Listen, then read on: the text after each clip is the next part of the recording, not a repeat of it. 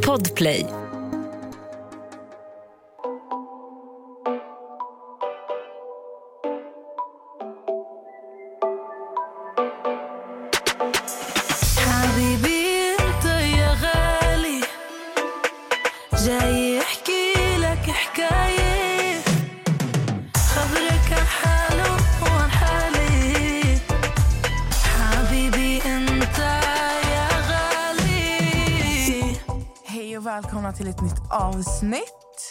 Tacka Key Solutions för att vi får hänga i den här studion än en gång. Hejsan allihopa. Och, eh, idag, idag jag har jag har blivit på bra humör på vägen med? hit idag. Ja. Jag var arg i bilen, men jag är glad nu. Du var skitarg i bilen. ja, har lite ja, privata saker, men det är löst nu. Nathalie skickade iväg ett bra sms till mig. Hon, bru- hon brukar föra min talan när jag inte kan formulera mig i ord för att jag har så mycket känslor på en och samma gång. Så då brukar Nathalie få smsa åt mig så blir det jättebra utan att jag skapar större problem. Ja. Och det löste sig väldigt bra. Ja. Natta är faktiskt med oss i studion idag. Som vanligt. Men vi är inte själva idag, vi är tre. Vi har med oss den första vinnaren av Robinson 1997. Han har förekommit i flera andra svenska tv-produktioner. Han är författare och har bland annat skrivit boken Coola pappor som släpptes 2011. 2018 kandiderade han till riksdagen för partiet Liberalerna. Han var en av toppkandidaterna i Stockholm. Han är även influencer och polis. Det är sjukt. Sen ska vi inte glömma att han har varit med i pågående säsongen av Let's Dance. Välkommen till podden, Martin, Martin Melin! Oj! Tack! Tack! Vad roligt. Vad kul att vara här. Och ni är ju tre. Ja, vi är, Men det är bara två som pratar. ja. Mm. det är manager. Yes. Natta är ju med. Hon är med i podden då och då. Hon är liksom vår mamma, brukar vi säga. Hon ser till att saker sköts korrekt, eh, har koll på våra kontrakt, hon sköter förhandlingar. Sånt som vi är dåliga på att göra själva. Ja, Alla behöver en Nathalie. exakt. Har du en Nathalie? Jag har ingen Nathalie, jag har mig själv. Ja, Du sköter allting Mm. själv. Jag är min egen Nathalie. Vi var faktiskt jätteförvånade när Nessa skickade ett mejl till dig eh, och förfrågan om podden. Mm. Det står ju... Vad sa du? Tjena, kom, konstapeln. Konstapeln. Det är jättebra. Det är, men det där är, det är en jättebra start. För det där, det där eh, får liksom upp ögonen på mig. Än om någon bara skrivit hej, vi heter, eller vi är och så vidare. Det där var lite roligt. Fan vad kul. Och du var väldigt snabb på att svara. Mm. Ni hade tur. Alltså det, ni hade tur. Jag öppnade upp mejlen i, i förrgår och eh, såg det här och hade en lucka idag. Faktiskt första luckan jag har nu, eller enda luckan jag har nu på två månader. It was meant to be. det var ju faktiskt det. Ja, det. Så att, eh, då tänkte jag, äh, jag kör. Du var ju med i Let's Dance. Ja, jag var ju det Ja. I år. berätta lite snabbt vad som hände? För du blev ju skadad. Mm. Ja, men jättekort bara så, så gjorde jag illa mig första... Man tränar ju fem veckor innan programmet börjar. Och då under de där fem veckorna gick det skitbra. Jag är, har haft jättekomplex för att jag inte kan dansa och alltid tyckt att det skulle vara jättejobbigt att ställa mig liksom inför två miljoner människor och dansa. Eh, och det är därför jag också har tackat nej tidigare. Men jag tyckte att i år kör jag och så gjorde jag det. Och, ehm, de här fem veckorna gjorde att jag faktiskt fick ett ganska bra självförtroende. Jag lärde mig att herregud, jag kan ju faktiskt dansa. Jag kan ju röra på kroppen. Jag har ju någonting här. Och så gör jag det. Och sen så är det då premiärprogrammet som, där vi då ska visa en dans som vi har tränat på då i två veckor. Ehm, och jag skadar mig alltså på i princip uppvärmningen och alltså första repet vi har på förmiddagen, på premiärdagen. Vilket gör att jag hoppar runt på ett ben i princip. Första programmet. Och även andra programmet. Och nästan hoppade runt på tre ben. Eller två ben. eh, i, i, I tredje programmet. Det var ju faktiskt starkt av dig. Jag trodde jag bara hade gett upp. Ja, jag, jag vet. Det var, det var väl snack om att jag skulle det eller inte. Men så tänkte jag, nej jag kör. Jag, jag provar. Men hände, vad hände sen? Åkte du ut eller var du tvungen att lämna? Nej, utan vad, vad som var att jag dansade så dåligt så jag fick så dåliga poäng av juryn. Och, mm. och får man det då hamnar man i en duell. Och då hamnade jag i en duell ihop med Anis. Anis Don Demina? Exakt, tack. Ehm, och han, går, alltså, han vill jag inte förlora, eller vinna mot. Nej. För han är mycket bättre än vad jag är på att dansa och eh, passar mer Let's Dance än vad jag gör just nu, tycker jag.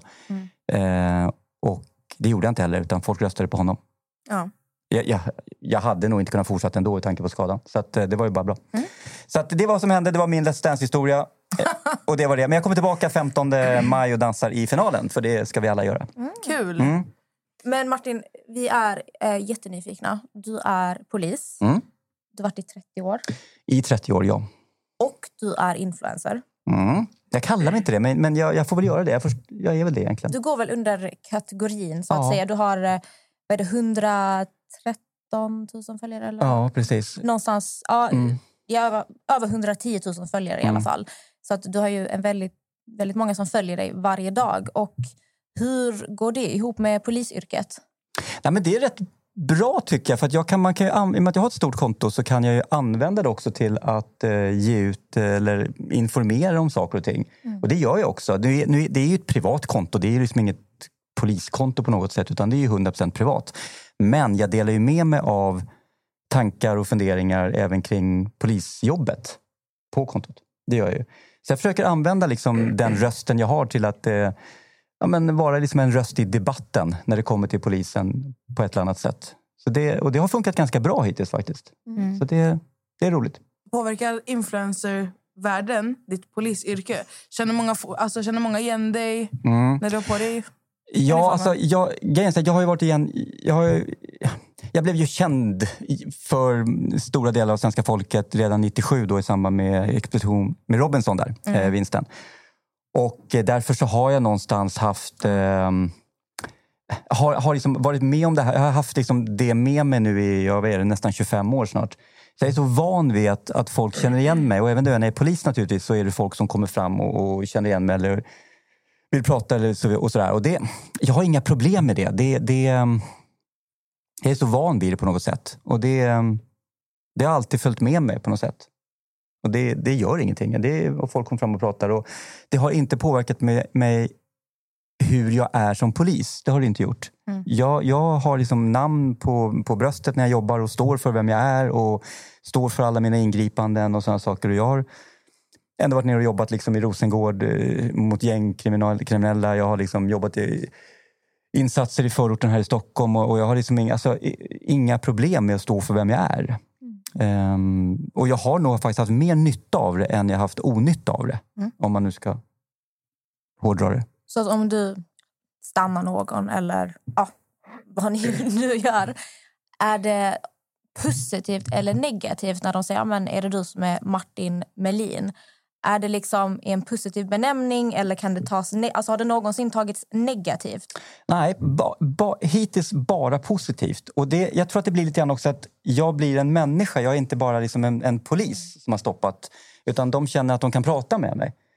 Eh, jag vet att när jag haft att göra med eh, ungdomar framförallt så har de kommit fram ibland och så har de sagt ja, Martin, kom Martin, så här, liksom, Martin, nu får du prata med dina liksom, kollegor eller prata med dina polare här borta nu. nu får du liksom, det är så att de, mig vågar de komma fram till. Martin, förra avsnittet vi släppte i podden så hade vi med oss Annie Mm. som var en av tjejerna som blev sexuellt ofredad. I Paradise Hotel alltså. Och vi pratade mycket om hur det kan se ut nu, tv-produktion. Ja, Annie, Annie öppnade upp sig om vad som har hänt i detta fallet med en kille som heter Toby. Eh, och hon berättade om eh, vad som inte har kommit med på tv. Och Paradise Hotel är ju stoppat idag på grund av de här anklagelserna. Eller ja, anklagelser. Övergreppen. Eh, man får egentligen inte säga så. Vi hade ganska många som skrev till oss om förtal gällande förra avsnittet. Men jag kände att jag eh, inte bryr mig så mycket om det. Utan jag tyckte att det var väldigt viktigt att låta Annie komma till tals. Men eh, vi kan börja med Martin. Är du insatt i Paradise Hotel? Nej, men jag, vet, jag vet ju vad programmet är och jag känner flera som varit med där. Eh, jag, har också, jag har läst om det här som ni pratar om. Eh, och jag har sett lite klipp också om det här. Jag är inte hundrainsatt eh, vad allt och alla har sagt. Men jag har ju sett lite, lite klipp om det. Jag tror jag såg det förra veckan. Ehm, och det, det är ju intressant när det handlar om... För, för alltid, inte alltid, men ofta när det är en, en i de flesta fallen en tjej som påstår att en kille har gjort någonting och anmäler honom för då sexuellt ofredande eller våldtäkt, ännu värre. Såna saker. Så i många av de här fallen så är det ord mot ord. Hon säger han gjorde det här, jag upplevde det här. Han säger jag gjorde det här, jag upplevde det så här. Alltså situationen. Och sen är det ord mot ord. Det intressanta tycker jag med det här i, i Paradise Hotel är att här har vi det ju filmat. Här, har, här, här är det, det som finns filmat. Och Det innebär ju att alla människor kan ju i princip titta på det här och göra sin egen bedömning. Och Det kommer också även då, eh, den polisen som utreder det här och om det går till åtal även då domaren eh, att, att, att titta på och avgöra vem som har gjort fel, om det har skett ett fel. Men det, det, så det skiljer det här, det här fallet mot liksom många, många, många andra eh, anmälningar sexuellt ofredande. Mm. Men du vet, i just den här situationen, när vi har pratat med Annie så är ju problemet bland annat att det finns ju filmat att han inte bara har varit, blivit irriterad på Annie nu då, eh, för att hon inte ville ha sex med honom utan han har till och med kört upp sina fingrar i henne. Ehm, Och hon tydligt säger ju... De har ju klippt bort när den här, det här övergreppet sker. Men man ser ju fortfarande klart och tydligt att hon vill inte. Mm. Men själva händelsen är ju bortklippt. Mm. så då är det ju någon i produktionen som har sett det här valt att klippa bort det här. Men frågan är, finns det kvar i råmaterialet? Det har vi ju ingen aning Det är det om. som är frågan. För det är en sak vad de visar och en Det sak vad vet hon sker. inte heller om. Men hon, hon vet ju om att det här, alltså det här har ju hänt och det har ju någon sett. Men hon, när hon har ifrågasatt produktionen, både Nent och vad heter den andra, Eh, mastiff. Massiff, då har de, de skyller på varandra att ingen har sett den här, det här, just den här men, men så, händelsen. så, så kan det ju vara. För de har ju folk som sitter och tittar på, på skärmarna i princip. Och det kan ju vara så att någon inte har sett det. Det är ju en sak. Sen kan man skylla ifrån sig. Vad är det? det vet vi ju inte. Mm. Men ett råmaterial är ett råmaterial. Och om någonting har klippts bort ur ett råmaterial så syns ju det. Ja. Så att förmodligen så finns ju råmaterialet och lämnas över till polisen och då kommer det här att, att, att ses. Så att även om låt oss säga att polisen får nu all, vad som finns och även om råmaterialet är bortklippt då kan ju polisen också se att nu fattas det faktiskt en del här. Ja, det är klart. Det gör man ju. Alltså, det, precis, det är ju som om du tar en film och klipper du film så fattas det ju en del. Alltså, då, det, så det, det är inga problem på, på Jag den biten. Och, Jag tänkte fråga det här med... ehm, Nu behöver jag hjälp från Amelia för jag kommer inte ihåg på rak arm. Men hon nämnde ju också någonting ehm, att produktionen hade sagt till henne att inte prata om det här. Någonting med förtal. Ja, som vi gick igång på. ja.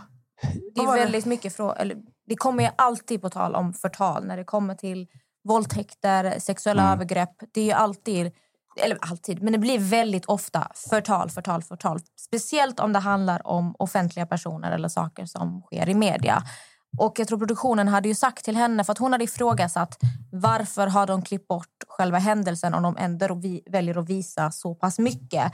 Men hennes sanning kommer inte riktigt fram. Men de visar så pass mycket att hela svenska folket blir tokiga för vad de ser på tv.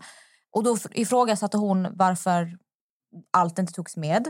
Och hon ville såklart prata om det här i efterhand. Men då sa ju produktionen att de vill skydda henne för att hamna i förtal. Och hur ser du som polis på det här? jag alltså, generellt sett så ska man ju e- egentligen... När en utredning har satt igång, satts igång så ska man egentligen låta den utredningen ta sin gång innan man börjar... Så här är det. Eller så här. Det är klart att vet man, om jag sitter och så vet jag att den här personen har gjort någonting dumt mot mig. Då vet jag, alltså jag vet det. Om jag vet det, det är klart att jag då gärna vill tala om för världen att den här personen har gjort fel. Men det bästa man kan göra är att låta utredningen ha sin gång och sen får utredningen presenteras och sen så får man lösa det här i en domstol. Och när domstolen då har sagt ja eller, eller skyldig eller oskyldig, säger personen skyldig, ja, då kan du prata hur mycket som helst om det. Säger personen oskyldig, då hamnar du i ett dilemma. Därför du tycker ju, i din värld är det ju fortfarande så att den personen är skyldig, men juridiskt sett så gick det inte att bevisa. Och då blir personen oskyldig, men i din värld är den här personen skyldig. Och det är då vi hamnar i den här situationen när det är lätt att det blir förtal. Ja, för då kanske du går ut på Instagram eller på sociala medier överhuvudtaget och skriver att den här personen har gjort det här mot mig. Jo, säger folk då, men han är ju faktiskt friad i domstol och då är han ju faktiskt oskyldig. Men i din värld är han ju skyldig för du vet att han har gjort det här. Och här, nu är vi tillbaka till det här ord mot ord. Det är så fruktansvärt svårt. Det är så jäkla svårt. Och då är frågan, vad ska vi ha för, för system? Ska vi ha ett system där vi har domstolar som dömer eller friar? Eller ska vi inte ha det? Då är frågan, vad ska vi ha för sorts, hur, hur ska vi få fram rättvisa? Och det är jättesvårt. Det är jättesvårt. Ehm, för det kan inte bara vara så att de, bara för att jag tycker att någonting är fel så är det så. För, för vem är jag? Jag kan ju tycka vad som helst är, är, är fel. Men, men det, i det här fallet vad de pratar om, jag vet faktiskt inte vad de menar på att hon ska vara tyst för inte förtal. Och det, det kan ju vara så att om hon fortsätter att prata och sen blir han friad så kan det ju faktiskt vara så att han anmäler henne för förtal. För att hon har pratat. Om hon inte pratar så finns det ingenting att anmäla för. Så att, det här är ganska viktigt och det här vill jag faktiskt till de som lyssnar på det här som då har råkat ut för saker och ting. Att dra er inte för att anmäla om en person har gjort fel. För det är inte straffbart. Det är inte förtal. Det är jätteviktigt. Utan det händer ju det här att när en person har blivit friad och att då fortsätta att och tala om att den här personen har gjort det här och så vidare. Då kan det bli förtal. Då kan det bli förtal. Säg inte att det är hundraprocentigt, men då kan det bli förtal. Och det här är viktigt. Jag tycker det är så olyckligt för att, på ett sätt för att låt oss säga att jag har råkat ut för någonting fruktansvärt av en man till exempel. Eh, jag anmäler honom men det är brist på bevis, det är ord mot ord. Men jag vet ju att han har ju verkligen skadat mig men han blir friad och folk fortsätter att älska honom, hylla honom och jag blir sedd som den här lögnhalsen. Det är så otroligt sorgligt hur jag då inte ens kan få berätta min historia utan att jag ska bli anmäld för förtal. Det är jättehemskt. Ja, och det här tror jag inte folk kan sätta sig in i som inte har råkat ut för saker och ting. Vi har ju sett flera dokumentärer som finns. Epstein, en kille, amerikansk kille som förgrep sig under många, många, många, många år. Och då kan du tänka dig själv de här tjejerna som gick och sa det här och ingen trodde på dem, ingenting. Och sen helt plötsligt så visade det sig, oj då, han var ju värre än vad man ens kunde föreställa sig. Jag, jag kan tänka mig att det är extremt frustrerande att veta att man har rätt och veta att det finns en person som har gjort någonting dumt mot en. Men ingen tror en och det finns inte bevis nog för att domstolen ska döma. Jag, jag, kan, inte, jag kan själv inte sätta mig in i hur, hur det känns. Men det, det är åt helsike. Men det är så det ser ut. Alltså Det är så vårt rättsväsende ser ut. Vi, finns det inte bevis så skall man fria. Än att det sitter oskyldiga i fängelse. Då sitter en person som har råkat ut för någonting och tycker att det är skit i för att jag har råkat ut för någonting och det, det här suger. Jag kan bara säga att jag, jag, kan säga jag har ju träffat på kriminella som har blivit fria. Eller en kille som jag träffat på bland annat. Han, har, han blev alltså friad från ett bankrån typ fem år tidigare. Så står han och jag och pratar. Och så står han till mig, jag jobbar som polis. Så står, så står han och tittar på mig och säger så här, var du med och jobbade på det här rånet där och där? Och då, och då, då var inte jag det, men jag jobbade den dagen, men jag var inte med på det jobbet. Så jag sa, nej men jag var med och jobbade. Han bara, ja, nej. Det gick inte så bra för polisen då, sa han. Och så blinkade han med ögat. Han var alltså skyldig till det här. Mm. Men han fälldes inte för det. Nu är det här en helt annan sak. För det här är ingenting som jag går runt och, och, och, och ligger sömnlös för och tycker är hemskt. Och försäkringsbolagen betalar väl ut eh, det som behövdes. Men det är skillnad då när en person har råkat ut för någonting. Framförallt om vi pratar sexuella brott. Då är det, det är ju någonting som du kan dra med dig hela resten av livet. Det är ju alltså en person som blivit utsatt för någonting. Och den här frustrationen går runt. Jag, jag, jag kan inte sätta mig in i det. Jag, jag, det måste vara ett helvete på ren svenska. Ett poddtips från Podplay. I fallen jag aldrig glömmer djupdyker Hasse Aro i arbetet bakom några av Sveriges mest uppseendeväckande brottsutredningar. Går vi in med hemlig telefonavlyssning och, och då upplever vi att vi får en total förändring av hans beteende. Vad är det som händer nu? Vem är det som läcker? Och så säger han att jag är kriminell, jag har varit kriminell i hela mitt liv men att mörda ett barn, där går min gräns. Nya säsongen av Fallen jag aldrig glömmer på Podplay. Du har ju varit med, Amelia, om något som är väldigt oroväckande. Ja, jag har inte ens eh, hunnit prata om det här i podden än. Jag har lyft det här väldigt mycket på min Instagram. Eh, Det var väl för ja, men en, tre veckor sedan skulle jag ut med hundarna. Jag har två stycken hundar. Jag har en engelsk bulldog och en fransk bulldog. Det är Frank och Doris. Eh, och jag är en person som tränar väldigt sent. Vi snackar 11, 12, 1 på natten. Det är bara så jag är. Jag är bara en natt- nattperson. Eh, jag ska gå ut sista rundan med hundarna. Jag går med mina hundar okopplade på kvällarna. Så att jag tar alltid en ordentlig titt åt höger och åt vänster när det är kväll. För att se att det inte finns några människor där. Och så går jag ut. Då från ingenstans så ploppar det upp en man bakom vårt eh, soprum.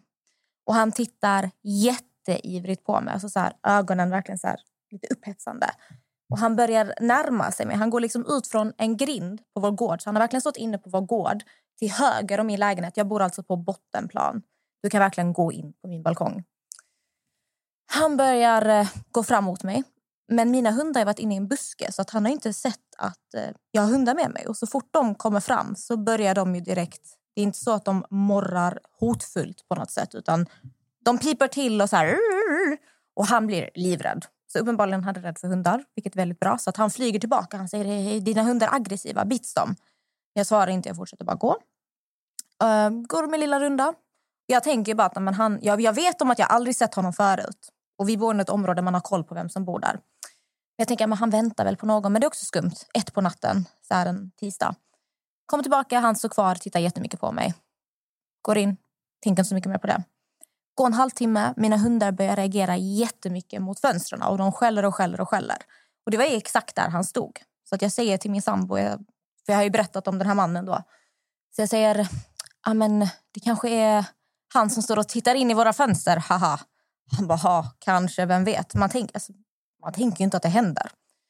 Det går 30 minuter, jag ska precis gå och lägga mig. Och min sambo han flyger ut på balkongen. Jag bara, vad är det som händer? Han bara, han står i våra fönster. Det är en människa i våra fönster. Och vi har ändå persiennerna nere, insynsskydd. Men om du står tillräckligt nära så ser du igenom de här små hålen. Så min kille han flyger ut, hoppar över staketet. Och mycket väl, då står ju den här mannen i våra buskar. Så han skriker, han bara, vad, vad gör du i våra buskar? Jag bara, oh, tjo, bror. Eh, nej, nej, nej, jag tar bara en cigg. Jag, jag, jag tappade en sak här. Hehe. Eh, kan man ladda mobilen i soprummet? Så han blir så här, ska man säga, lite passivt aggressiv i tonen. Och bara, nej, du är i mitt fönster. Va, vad fan håller du på med? Nej, nej, nej, nej, nej. Så han går därifrån och då blir vi lite så paranoida och börjar kolla så här persiennerna. Men han verkar vara borta. Dagen efter så får vi höra i vår granngrupp att han är tillbaka för att vi skriver i vår granngrupp. Vi har ganska bra kommunikation, vilket är skönt. Då har folk sett samma man, samma beskrivning, gå runt vid 23 på kvällen och ja, gå runt folks ja, balkonger, fönster. Så det samlas i en gran, ett gäng grannar för att försöka tag, få tag på honom. Ingen får tag på honom. Och jag tänker inte så mycket mer på det. Går två dagar och jag lägger ju alltid ut när jag tränar. Jag, jag har aldrig tänkt på att det finns galna människor. Jag, I och med att jag inte har råkat ut för det på riktigt, så här galna människor som följer den på Instagram så tänker inte jag mig så mycket för när jag postar saker. Jag har varit på fredagskvällen vid ett. Ska jag gå ut med hundarna? Jag ringer min kille och säger ah, men kom ut med hundarna, vi tar sista rundan. Vi går ut. Inget konstigt med det. På väg tillbaka så min ena hund Frank, han flyger fram. Och då ropar jag efter honom. Frank, Frank, kom hit!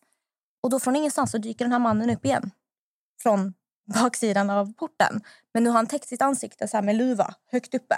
Och det var som att han reagerade på min röst. Han såg min sambo och flög tillbaka. Och jag bara, det är han. Det är han. Nu är han här igen för tredje gången. Så jag går in och jag släcker ner hela lägenheten. Och jag börjar kolla så här i persiennerna och jag lyckas spegla i fönstret mitt emot. Du vet, man kan spegla från gatulyktorna och jag ser att han står till vänster om min balkong. Och jag ringer min tjejkompis jag bara, nu är han här igen. Och hon säger, men gud du måste ringa polisen. Jag har aldrig ringt polisen i hela mitt liv. För mig är det 112. Vad, vad, vad krävs det för att man ska ringa 112? Så jag börjar tänka, men är det, är det inte lite överdrivet? För att jag vill ju inte heller känna att jag ringer och tar upp något, alltså polisens tid. Så jag bara, nej men jag, jag kanske ringer 114 14 och ska anmäla. Sen ser jag att en taxibil kommer och han försvinner. Sen tänker jag inte så mycket mer på det. Jag bara så här, men det är ju något skumt med honom. Men jag vet ju inte till 100 procent att han står och kollar in. Sen går det två dagar. Jag är på väg till jobbet. Min ena granne stannar mig. Hon säger, Amelia, jag måste prata med dig. Så jag säger, Jaha, okej. Hon bara, ah, den här mannen som ni har berättat om i gruppen. Eh, jag har lite bilder jag måste skicka till dig som är tagna av en annan granne. Och eh, nu ska jag bara få fram dem här i... Jag kommer lägga ut det här på podden för er som inte har sett det. Jag har ju delat det här på min Instagram. Det kan vara lite dumt att dela bilder, bara säga det. Han, alltså den här bilden är tagen två på natten en fredag. Och det här är mitt sovrumsfönster. Ehm, och det är då en granne som har lyckats ta de här bilderna. Vilket betyder att de här tre gångerna som han har varit här så står han ju och tittar in i mitt fönster. Jag har även sett nu i efterhand fingeravtryck och så här precis där han har stått. Och när jag ser de här bilderna, alltså mitt hjärta, det, det droppar ju. För då blir det på riktigt att han har verkligen kommit tillbaka här tre nätter i rad för att han står liksom i mitt Ja, men han, står ju, han tittar ju in ju. Är, är, är det här bilderna gamla eller? Nej, det här är tre veckor. Gam... Eller, alltså, Mm. Från när det hände. För att jag ringde, när jag fick de här bilderna då ringer jag 114 14 och gör en anmälan. För att jag menar på att jag tror att man kan hitta fingeravtryck där på fönstret. Ditt. Men det som händer... Jag ringer polisen, pratar med en polis. Jag berättar exakt det jag berättar för dig nu. Och jag berättar att nu känner jag mig väldigt rädd. Jag känner mig otrygg för det börjar kännas som att det är nästan riktat mot mig. Han har försökt närma sig mig men backat på grund av hundar, på grund av min sambo. Och jag känner mig väldigt otrygg. Jag vågar inte ens gå ut med soporna längre. Jag vågar inte gå till gymmet. Jag- Alltså jag är livrädd. Jag vet inte vad han är ute efter. Eh, och han, han ifrågasätter direkt bara, varför har du inte ringt polisen. Så jag, jag vet inte. Alltså, för jag har aldrig ringt. Jag, jag blev bara så ställd typ. Jag bara, nej men jag vill, jag vill anmäla. Så han bara, ja, men det går under ett ofredande. För att det har pågått i ungefär en vecka. Så att han la det som ett ofredande. Eh, och då berättade jag att jag har bilder, jag har grannar, jag har allt det här. Han bara, ja, ja, ja. Eh. Jag bara, men ska jag skicka bilderna? Han säger, nej men det behövs inte. Då säger han att om det väcks ett åtal så ska jag spara bilderna. Annars så var han inte intresserad av att få mina bilder. Sen går det en dag och sen är fallet nedlagt. Mm. Varför... Alltså, för det första, ringde du 114 14? Ja. Det, jag tror inte att det var en polis du pratade med. Utan du pratade med en anmälningsupptagare, en civilanställd.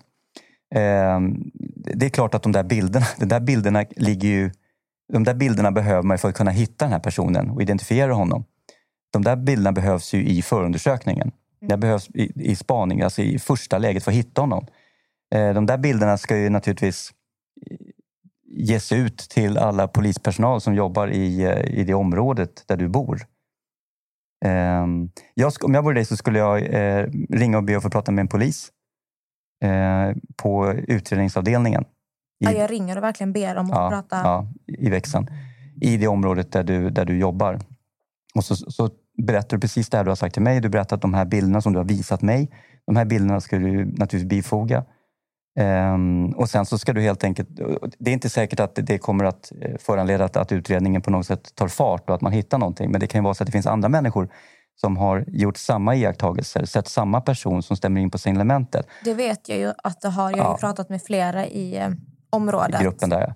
Och då finns det ju kanske fler anmälningar och då kan man samordna på något sätt. Och sen så har man tur så kan det få finnas en driftig polis som tycker att den här killen ska vi leta efter. Nu lägger vi tre kvällar här, tre nätter och sen så försöker vi spana på honom. Eh, det vill säga, det behövs göras lite grann i det här ärendet. Det som jag tycker är otäckt med det här, det är inte bara att det här är en fluktare som går runt och tittar in, för de finns överallt som går runt. Utan det handlar om att han faktiskt har ehm, tagit kontakt med dig Mm. när du har varit ute med hundarna. Vilket gör att i min värld är det här inte en kille som är rädd när han blir påkommen. Han är inte rädd när det faktiskt finns folk som har sett honom utan han fortsätter. Även din kille har faktiskt visat upp sig för honom. Ja, och min kille, det är, alltså, han, är liksom, han är stor, han är tatuerad upp Ja. överallt. Han ser inte ut som vem som helst. Så att jag var ganska chockad att han verkar inte bry sig överhuvudtaget. Nej, och det, det gör, tycker jag, att den här personen... eh, Bara det du berättar tycker jag gör att den här personen måste man plocka in innan han gör någonting dumt. Jag tycker det är allvarligt. Eh, att han lägger det som ett ofredande, det, det är det. Brottet är ett ofredande att någon står och tittar in genom fönstret. Så där ligger han brottsmässigt. Och det, ofredande är ju en ganska lågt brott. Men här handlar det om att förebygga, att göra någonting innan någonting grövre händer. Så att, eh, ge det inte, ring igen, gör om. Och sen vill jag bara säga det också, det här som du sa, ska jag ringa 112? I det här läget, i första läget när du ser honom, när du upptäcker, eller upp, uppfattar honom som hotfull eller att han är lite läskig. Där ska du ringa 112 direkt. In, du ska inte tveka. I det här läget, du hade fått alltså två, kanske med tre polispatruller som hade kommit. Det här är ganska högprioriterat. Om du hade ringt och sagt hej, jag har varit ute med mina hundar, jag känner mig orolig, det en man här som är läskig och jag känner att det är någonting som inte stämmer. Bara ringa. Du hade fått, eh, det hade lagts ganska högt upp på prioriteringen. Så du hade kommit polis på en gång. Och även då när han stått och tittat in, där, kan, du- där vet jag, där, det, där rycker poliser, slänger matlådor och åker ut och jobbar på. Så det är bara att ringa. Ring 112 så fort det är någonting som händer. Det är, tveka inte. Det här är ett solklart Det 112-jobb. är jättebra att veta. Ja, du ska ta kontakt med polisen igen och så ska du presentera de här bilderna bland annat och lite mer i den här berättelsen så att det här plockas upp och att det faktiskt läggs som en utredning som någon jobbar någonting med, tycker jag. Så jag hade egentligen bara otur med vem som fick in Ja, anmälan. det kan bli fel. Och sen, jag ska inte säga att polisen alltid gör bra, för det gör vi inte. Ibland landar saker fel och ibland landar det mellan stolarna och ibland så är det fel person som tar emot en anmälan och så vidare. Och här känns det som att det blev fel utan att döma den person som tog upp det. Martin, du nämnde lite så när vi hade en paus att du jobbar mycket med just utsatta kvinnor och driver de frågorna. Ja, det var, det är en av anledningarna till att jag engagerar mig politiskt är för att jag tycker att den lagstiftning vi har idag när det gäller just hotade kvinnor, som jag har riktat in mig på, är för dålig. Och det är ju, naturligtvis så grundar det sig på att jag har träffat på hotade kvinnor som har blivit som lever i skräck, som har blivit eh, som har då en, en, en ex-make till exempel, eller ex-pojkvän som har fått kontaktförbud och besöksförbud, eller kontaktförbud. Men som ändå söker upp, ändå står på jobbet och bankar eller åker hem och bankar på dörren. Och Det har både varit 8, 10, 12 gånger och det har inte hänt någonting. Ingenting händer. Och vi vet ju att eh, till slut så går det illa och det gjorde det också eh, förra året. Då tog han sig in i lägenheten och högg henne med åtta gånger i kroppen. Nu överlevde hon. Men hon hade alltså anmält honom då 10-12 gånger för eh, att han hade överträtt kontaktförbud. Och jag tycker att det är, det är, för, för sånt här gör mig så förbannad. För det här innebär att det finns idag inget skydd för hotade kvinnor. Och det ska man veta att i princip alla mord på kvinnor, när, det är då, när man är bekant med, med den som gör det, alltså, i princip 100 procent har det börjat med hot. Så med andra ord, om man börjar hota någon så är sannolikheten inte alls speciellt liten att det här kommer sluta faktiskt i ett mord. Och då menar jag, då måste vi ta hotet på allvar om vi ska förhindra de här morden. Så därför måste vi redan på, på hotstadiet börja ta det på allvar. Och det görs inte idag, rent juridiskt. Det görs inte. Och så ser man politiker idag som, för att vad var det, förra veckan hade vi fem kvinnor, två veckor sedan var det eh, fem kvinnor som blev mördade på en och samma vecka. Och då helt plötsligt vaknar alla politiker. Och då sitter jag och tänker, så här, varför vaknar ni nu? Det här har vi poliser, många poliser i alla fall, höjt ett, ett, ett finger för och sagt att det här funkar inte. Det har vi gjort i tio år. Och det har inte hänt någonting på tio år. Och det här är faktiskt en av anledningarna till att jag engagerar mig politiskt. För att jag vill se en ändring i lagen. Jag vill se att det ska hända någonting för det första ska det hända någonting redan vid första hotet. Och får man besöksförbud eller kontaktförbud som det heter nu för tiden. Överträder man det, då ska man in i finkan på en gång. Sorry, det, det, jag är ledsen. Det, det är bara direkt rakt in. Du, har fått, du får bara en chans. Du får inte två chanser, tre, tio chanser. En chans, rakt in. Någonting som jag alltid har undrat över är ju oftast hur i många fall så slutar det ju upp med att kvinnan får leva under skyddad, i ett skyddat boende, skyddad identitet. Varför tar man inte tag i, i mannen direkt? Jag håller med dig. Det här är exakt det jag pratar om. Att vi har i Sverige av någon anledning alltid lagt mer fokus på förövaren. Förövaren på något sätt är det synd om, förövaren har haft en taskig barndom, förövaren måste vi ge vård. Det är det det handlar om. Det här offret, om det sen är en kvinna, en dotter eller eh, en man eller en fru, vad det kan vara. Ja, det får ordna sig. Men vi lägger allt fokus på, på förövaren. Det är nästan så att det är synd om förövaren. Jag menar samma sak också. Det är samma som om vi tar en skola där vi har en person som mobbar och en person som är mobbad. Varför ska den som blir mobbad tvingas byta skola? Det är väl bättre att flytta i så fall den som mobbar. Det, det, det, det, alltså jag, jag, jag tycker att det är obegripligt att vi har den lagstiftningen faktiskt, där vi, där vi bryr oss mer om förövaren än, än offret. Det är tragiskt. Och jag bara säga, det, det, vi kan prata samma sak, det är ju samma med näringsidkare. Vi har i en förort till exempel så kan vi ha en kioskägare och sen är det ett gäng som håller på i den här, i den här förorten som går in till honom varje måndag och säger så här att vi ska ha, vi ska ha 5 000 av dig. Därför att varje måndag ska vi ha 5 000 av dig, för annars kommer vi slå sönder din kiosk. Och han säger att jag, inte, jag kan inte betala er 5 000. Och så slår de sönder hans kiosk. Och så får han betala 10 000 i självrisk istället för att få nya skyltfönster. Och nästa måndag går de dit igen och säger, vad är de där 5 000? Jag tänker inte betala, säger han. Pang, slår sönder igen och så är det 10 000 igen. Till slut så kommer han ju betala. Och då menar jag, ska man då inte plocka de här ungdomarna kanske och flytta dem därifrån? Eller ska vi låta dem fortsätta? Då menar jag så här, sorry, ni får inte bo kvar här. Jag är ledsen, det är sorry, ni får flytta till en annan kommun. Ja, men våra föräldrar allting, så här, ja men då får vi lägga in det på ett hem. Då får vi, alltså, vi måste ju flytta er härifrån. Alltså, man måste göra någonting. Man kan inte bara, vissa människor kan man inte bara säga så här, nu får du vara snäll och inte göra så här. Det funkar inte på vissa människor. Och då måste det bli hårdare tag. Jag är, jag är ledsen alltså. Eller så fortsätter vi som vi har och så dör en massa kvinnor. Det är alternativen. För vi, kan inte, vi, vi vet ju hur det fungerar idag. Och ingen är nöjd med det. Då får vi göra en ändring.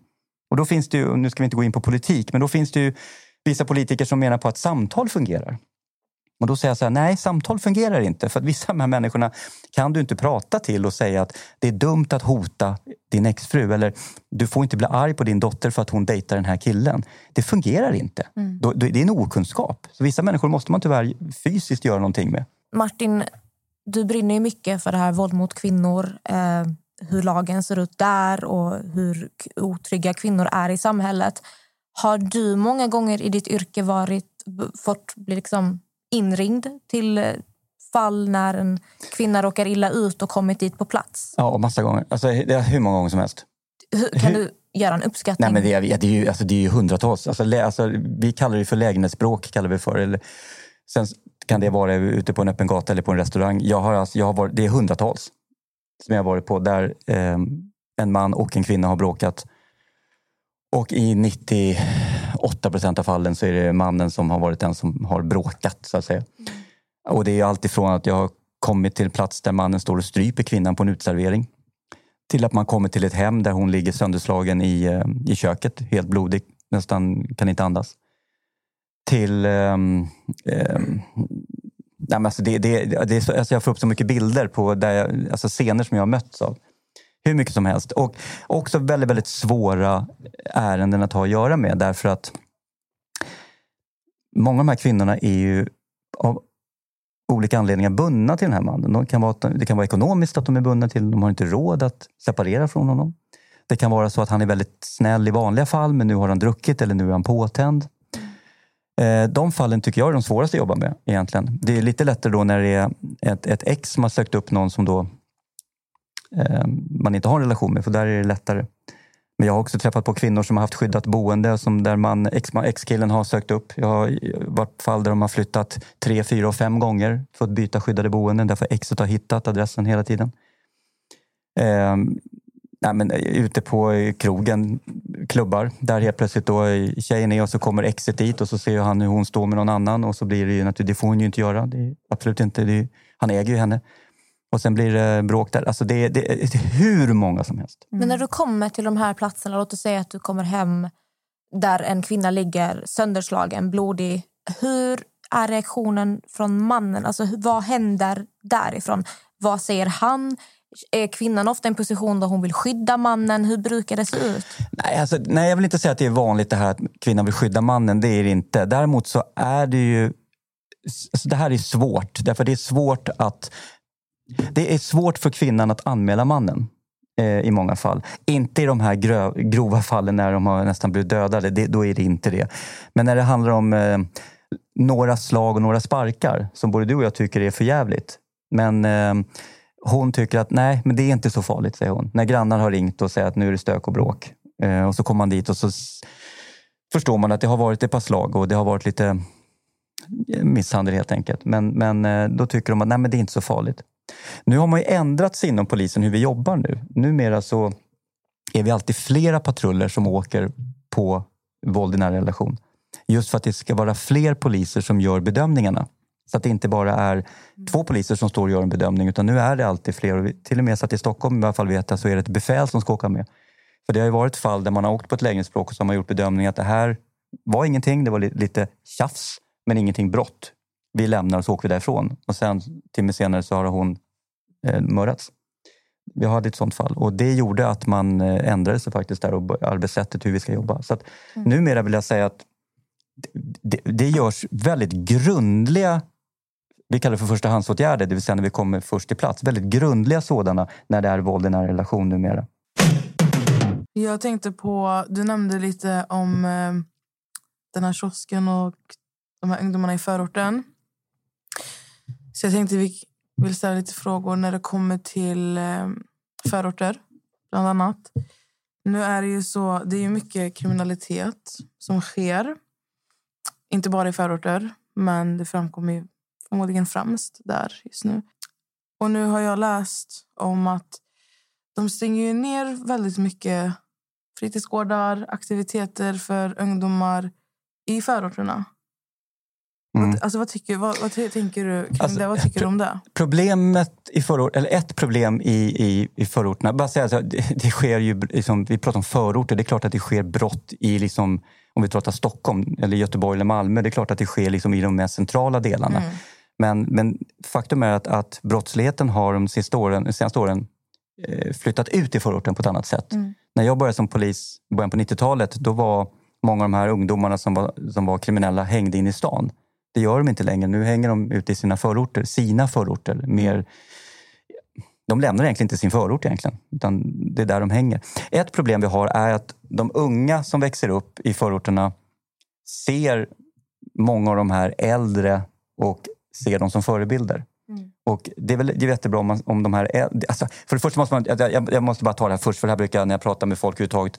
När vi pratar förort så kan det vara... Säg att det bor, det kanske bor 5 000 ungdomar i den här förorten. Då ska man ha klart för sig att kanske 4 700 av dem är ju inte kriminella. Nej. Man får inte glömma bort det när man pratar om förorten. Det här är viktigt så man inte bara drar alla över en kam nu. Utan vi pratar om de här kriminella som bor i förorten och finns i förorten. Och problemet är att de påverkar de unga på ett väldigt dåligt sätt. För de unga, kanske 7, 8, 9, 10-åringar ser upp till de här och ser hur de har mycket pengar, det är mycket flashiga saker och ting. Och sen kanske de blir 13-14 år så ser de helt plötsligt hur bilar hit och dit och det materiella tinget som de här 13-åringarna vill ha. Och därför är det ganska lätt att då komma in i kriminaliteten. Och då blir de här, du kan säga de äldre kriminella, 18, 19, 20-åringar, de blir förebilder. Och det är ett problem. Och då är frågan, var, var, var ska vi istället hitta positiva förebilder? Och det har ju varit inom idrotten förut. Till exempel de här som då börjar spela fotboll eller vad de kan hålla på med, kampsporter och så vidare. Så får de manliga förebilder i idrotten. Jättebra. Fritidsgården är ett, är ett annat, en annan bra plats där ungdomarna kan växa upp om det finns bra manliga säger jag nu, förebilder som jobbar på fritidsgårdarna. Och när fritidsgårdarna läggs ner så försvinner de här bra manliga fritidsledarna som finns. För jag har pratat med ungdomar som har varit alltså, alltså, gängmedlemmar som har hopp, slutat eller hoppat av på annat sätt. Och, och, eh, det var en kille jag pratade med framförallt och han sa det att när han var liten så i en söderförort här i Stockholm så fanns det en fritidsgård där han var hängde. Och där fanns det en, en, en kille som, som eller en, ja, en kille, jag, vet, jag säger att han var 23. För honom var det en gammal kille eh, som var 23 och som han sa som var hans förebild. För han tyckte han var cool, han var häftig, han var liksom han pratade på ett roligt sätt och han liksom höll på. Och det här var en fritidsledare som höll på. Och han var hans förebild. Han slutade. Och när han slutade så fanns det inte längre någon cool, häftig eh, kille som han kunde se upp till. Och då helt plötsligt vände han sig mot de här gängen. Då helt plötsligt kom det in gängkillar som var mycket mer coolare och häftigare. Och de fick respekt och alla ville vet, vara kompisar med dem och så vidare. Och han tyckte, fan häftigt, jag vill också bli sån där. Och sen pang så var han inne i gänget och sen så tio år senare så hade han suttit i fängelse sju av de tio åren. Så att det, det, ja, det är ett problem att det inte finns fritidsgårdar. Men man ska inte heller överskatta fritidsgårdar och klotterväggar och allt vad det handlar om. Därför att många kriminella hänger inte på fritidsgårdar. Utan de hänger på andra ställen. Så att de som redan är kriminella idag hittar du inte på fritidsgårdarna. Jag tror att det är lätt att när man stänger fritidsgårdar, då blir det vart ska, vad, vad är det jag ska göra nu? Då hänger jag i centrum. Och Ja. när jag hänger i centrum, då är det mycket lättare för mig att bli rekryterad till någonting. Exakt. Sen självklart är ju inte fritidsgårdar kanske lösning på världens problem. Nej. Men Du har helt rätt. Helt rätt. För det, och, och det är inte bara fritidsgårdar. Det, det, det, det handlar om, det kan handla om liksom skateboardparker eller det kan handla om gamingrum. Alltså, alltså det är huvudtaget hitta aktiviteter. Och det vet ju alla som åker ut. Om man åker till en förort och, och besöker och ser hur den ser ut går in på en fritidsgård. Det är ganska skön stämning faktiskt. Det är ganska skön stämning. Och jag varit som polis kommit in där. Och du sa du att du aldrig, aldrig pratat med någon polis riktigt så här förut. Man kommer in där och man märker direkt att det blir så här, wow, hur ska vi göra här nu? Hur ska vi förhålla oss här nu? vad, vad vill de? Men sen när de märker att nej, men man är ganska chill, man vill ingenting, man vill bara snacka lite grann. Och då, då helt plötsligt, då går det bra. Och sen finns det också ifrån USA, det har kollegor som jobbar, berättade också att efter ett tag när du kommit in på fritidsgården, när du kommer in tionde gången på fritidsgården och du känner igen samma killar och samma tjejer som är där och de känner igen dig och de vet att ja, men, han är här inte för att liksom leta eller ta mig utan han är här faktiskt för att han är schysst och bara vill snacka. Helt plötsligt börjar det komma fram, han kan man ju prata med, han kan man ju lämna lite tips till. Han kan man ju faktiskt det här. Och sen brukar det leda till att det, helt plötsligt så får polisen mycket, mycket, mycket mer tips ifrån allmänheten. Och för då, många av de här skötsamma vill ju inte ha gängen där. Det fattar ju vem som helst. Det är ju stök, det vill de inte ha där. Men det handlar om också att hitta då förtroende. Man måste bygga förtroende och skapa liksom... Eh, eh, ja, men framförallt skapa förtroenden mellan polis och de som bor i området. Och d- där har man mycket att göra. Och då blir jag, så, det är så, jag blir så jäkla glad varje gång när jag ser poliser som lyckas med det här. De här, du vet, de här bra poliserna som kan ta de här ungdomarna, som vet vad som gäller och som kan liksom inte måste vara det här polis med liksom stort P och mm, göra honnör och nu är det här som gäller. Liksom, utan som kan vara lite, vara lite, lite skön. Liksom. lite mänskligt. Lite mänsklig. Och, du ska, och det vill jag faktiskt säga att de, de absolut flesta poliser som jobbar i våra... Jag pratar för Stockholm bara. De absolut flesta poliser som jobbar i Stockholm i förorterna, de är det. De är det. De flesta sa jag. Du har säkert träffat på någon. Jag bara, Natta himlar med Nej, men du har säkert träffat på någon som inte är det. Men, Alltså, men, Jag skulle säga så här, jag är själv uppvuxen i en förort. Mm. Ehm, jag vet att det här är någonting som Vanessa vill gå in på också. Men jag har ju blivit kartlagd sen jag var 12. Mm. För Förklara för våra lyssnare vad det innebär. Ehm, alltså att jag kanske har umgåtts med busiga människor och då eh, anser polisen att eh, jag kanske förmodligen också håller på med någonting så att då blir det liksom span och såna här grejer på en. Eh, så jag skulle säga att min första interaction med polisen, då var jag nog 12. Mellan 12 och 20 så skulle jag säga att i området jag är uppvuxen i så har jag haft en bra polis. Och det var han som kom in på ungdomsgården. Och det var han som liksom pratade och kunde liksom behandla oss som människor. Men bara säga, pratar du om 10-tal nu eller 90-tal? Eller? För att det har ändrats väldigt Ja, jag mycket. pratar väl, jag skulle säga från typ år 99 fram till typ 28. Ja, för jag vill säga att de, jag vill nog säga, ja, nu låter jag tillgjort här, men jag vill säga att de senaste tio åren Mm. har det skett en jätteförändring med de poliser som jobbar i förorterna. Det handlar också om att vi har fått in i poliskåren eh, folk med bak, samma utländsk bakgrund Mm. som de som bor i området. Vilket har underlättat jättemycket. Mm. Och det här är de senaste, vill jag säga, de senaste tio åren. Nu kan jag prata om vi pratar Stockholm igen här nu. Om, eh, så pratar till exempel Botkyrka eller vi pratar Rinkeby. De poliser som jobbar där nu gör ett jättejobb. Ett, alltså ett jättejobb och har verkligen lyckats med mycket. Jättemycket. Det du pratar med kartläggning där, det, det, det, det, det är så intressant. För det är ju så att umgås man med kriminella, då blir man kartlagd. Då, då, då, för att polisen kan ju inte veta om du är någon som bara... Men hur länge behöver jag vara kartlagd för att ni ska fatta att jag inte är kriminell? Nej, men det, Jag bara undrar nej, men jag det- ser bort nej, det här, jag vet, nej, men det här, men du, så länge du inte är dömd för något brott eller någonting. Jag är så, inte dömd för något. Det är nej, det som är det nej, men då, då, då, kom, då har du aldrig någonting att oroa för. Men sitter man i en bil där det är kriminella, Mm. då kommer man på något sätt att bli, bli, bli kon- kontrollerad. Men det, alltså jag förstår att man blir kontrollerad. Ja. Jag tror problemet är att man blir kartlagd. Och Speciellt då i ung ålder. För att vi var några stycken som blev kartlagda.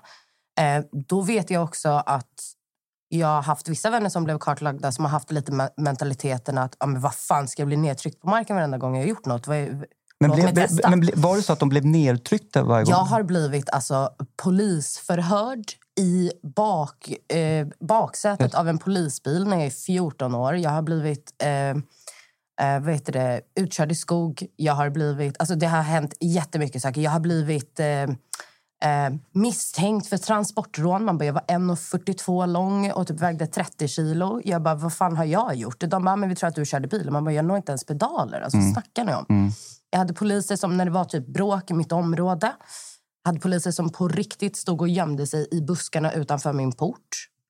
Eh, så att när jag gick ut då skulle jag upp mot väggen och hit. Men snälla, jag Men- kommer ju hemifrån ut. Vad har jag med bråket ni här göra? Alltså, Tror du att det här är kopplat till området? Ja, alltså det var ju områdets poli- poliser. Och det var specifikt en polis och hans assistent som var, alltså ursäkta men helt sjuk i huvudet. Han hade liksom pärmar med bilder på oss. Men då har, då, då har du träffat på... För, jag säger inte att alla poliser är jättebra poliser, för det är de ju verkligen inte.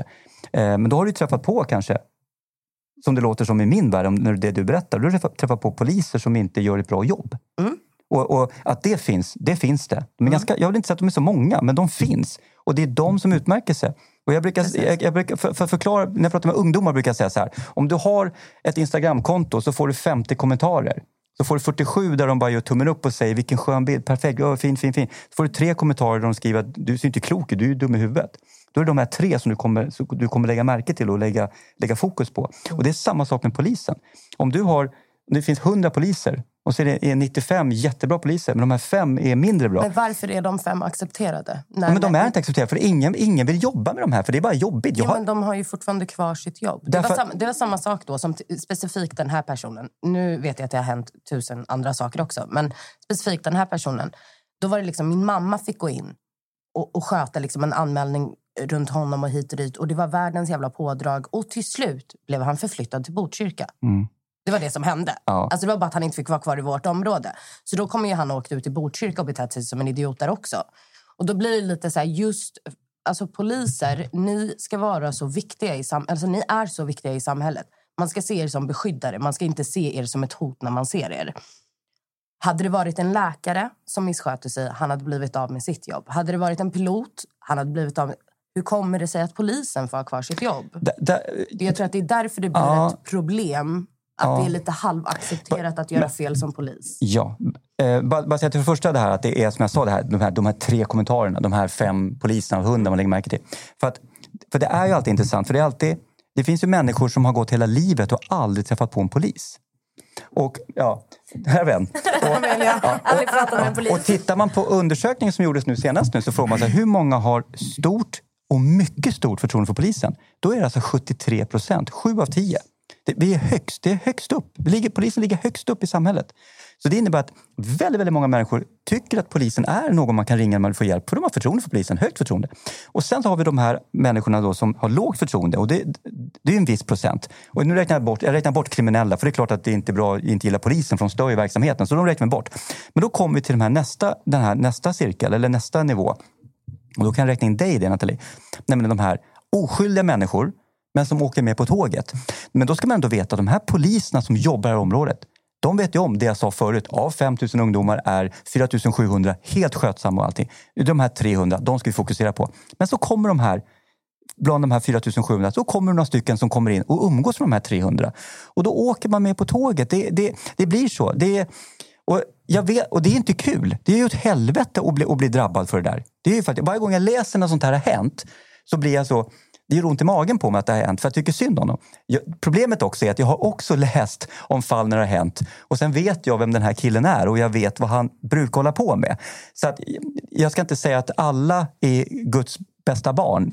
Nej, men, men, men när det händer, när Guds bästa barn ändå råkar ut för det då är det tragiskt och det är tråkigt och det, det är inte alls det är fel. Mm. Och som sagt, jag säger inte att alla poliser är, är bra. Det är de verkligen inte. Problemet är att det är inte straffbart eller det är inte skäl för avsked att vara ett asshole. Det är inte det. Det är ganska sjukt ändå. Ja, men det är det. Jag håller med dig. Men det är samma sak. Du, du, du, förlåt, du kan vara läkare som kan säga vad som helst. Herregud, det finns gynekologer som har blivit anmälda för att de har gjort saker men de får inte kicken därför att, att ge, en, ge en kommentar är inte, det är inte straffbart. Men, men, men sen har vi ju situationer som också är just det här att när man, när man som polis jobbar i vissa områden Um, vi, prat, vi, vi, vi pratade i pausen här förut om till exempel ra, eh, profilering, rasprofilering. Eller pro, vi vill prata om profilering överhuvudtaget för det kan handla om vad som helst. När jag går på Drottninggatan under julhandeln för att jag jobbar mot terrorism. När jag går där så, jag är ledsen med den här tvåbarnsmamman som går med en barnvagn hon får inte samma uppmärksamhet som den här Mellanösternkillen med ganska vit i ansiktet med ryggsäck. Han får mer uppmärksamhet. Och vad baserar det på? Jo, det baserar på min, min erfarenhet av hur har de sett ut, våra självmordsbombare här i Sverige bara. De, eller självmord, de två vi har haft. De har sett ut på ett visst sätt. Och då är det personer som ser ut så som jag letar efter. Om jag till exempel jobbar på ett fotbollsderby och sen har det varit värsta bråket och jag letar efter fotbollshuliganer då har jag en bild av hur fotbollshuliganer brukar se ut när jag stöter på dem. Och när jag ser några som ser ut som dem, då blir de mer intressanta än den här pappan som går där med, med sitt barn i handen. Och om man då ska prata till exempel eh, gäng, det som är så populärt nu, gäng, eh, vet du, nätverkspersoner. Jag vet inte vad uttryck man ska ha på det. Så finns det en sorts uniform idag nästan på dem, hur de ska se ut. De ska ha sina Adidas-byxor och bäcker... Men är inte det lite mode bara? Ja, problemet är att det är mode bland, bland, bland nätverksmänniskor. Och det, Ja, ja, ja. Jag kom hit med en sån eh, väktarväska. Ja, men om vi säger så här då. Om, vi säger så här, om jag letar efter, om det har varit en skjutning och så letar jag efter någon. Då kommer de få mer uppmärksamhet än den här killen som går i jeans och collegetröja. Alltså det, det, funkar ju så tyvärr. Och det, då kan man säga så här, nej men det är inte bra. Nej, men om, om, på nätet har du blivit våldtagen. Vad, vad, ska jag leta då efter, eh, efter en kvinna eller ska jag leta efter en man? Ja, då letar jag efter en man. Jag har redan där gjort en profilering. Alltså, någonstans, någonstans så är det så jag måste börja... Mm, som polis, om du ska leta efter en gärningsman så måste du någonstans börja någonstans. Vad, vad är det jag letar efter för någonting? Eh, sen är det det här som jag är emot och det är det här med att man gör en profilering man utgår bara, if, eh, ingenting har hänt. Man bara kontrollerar någon bara för att. Jag pratar, det jag pratade om tidigare här, det handlar om när det har skett ett brott eller på något sätt. Men det här att man stoppar någon bara för att man tycker att någon ser misstänkt ut eller ser ut som en missbrukare eller som en eh, rånare eller som en eh, säljer, säljer droger. Och det är fel. Det är åt helvetes fel. Alltså det, verkligen är det. Men jag vill säga de här poliserna som jobbar i de områdena, de, de möter ju bara folk som ser, som ser ut som, som är första eller andra eller tredje generationens flyktingar eller invandrare. De jobbar med dem dagligen.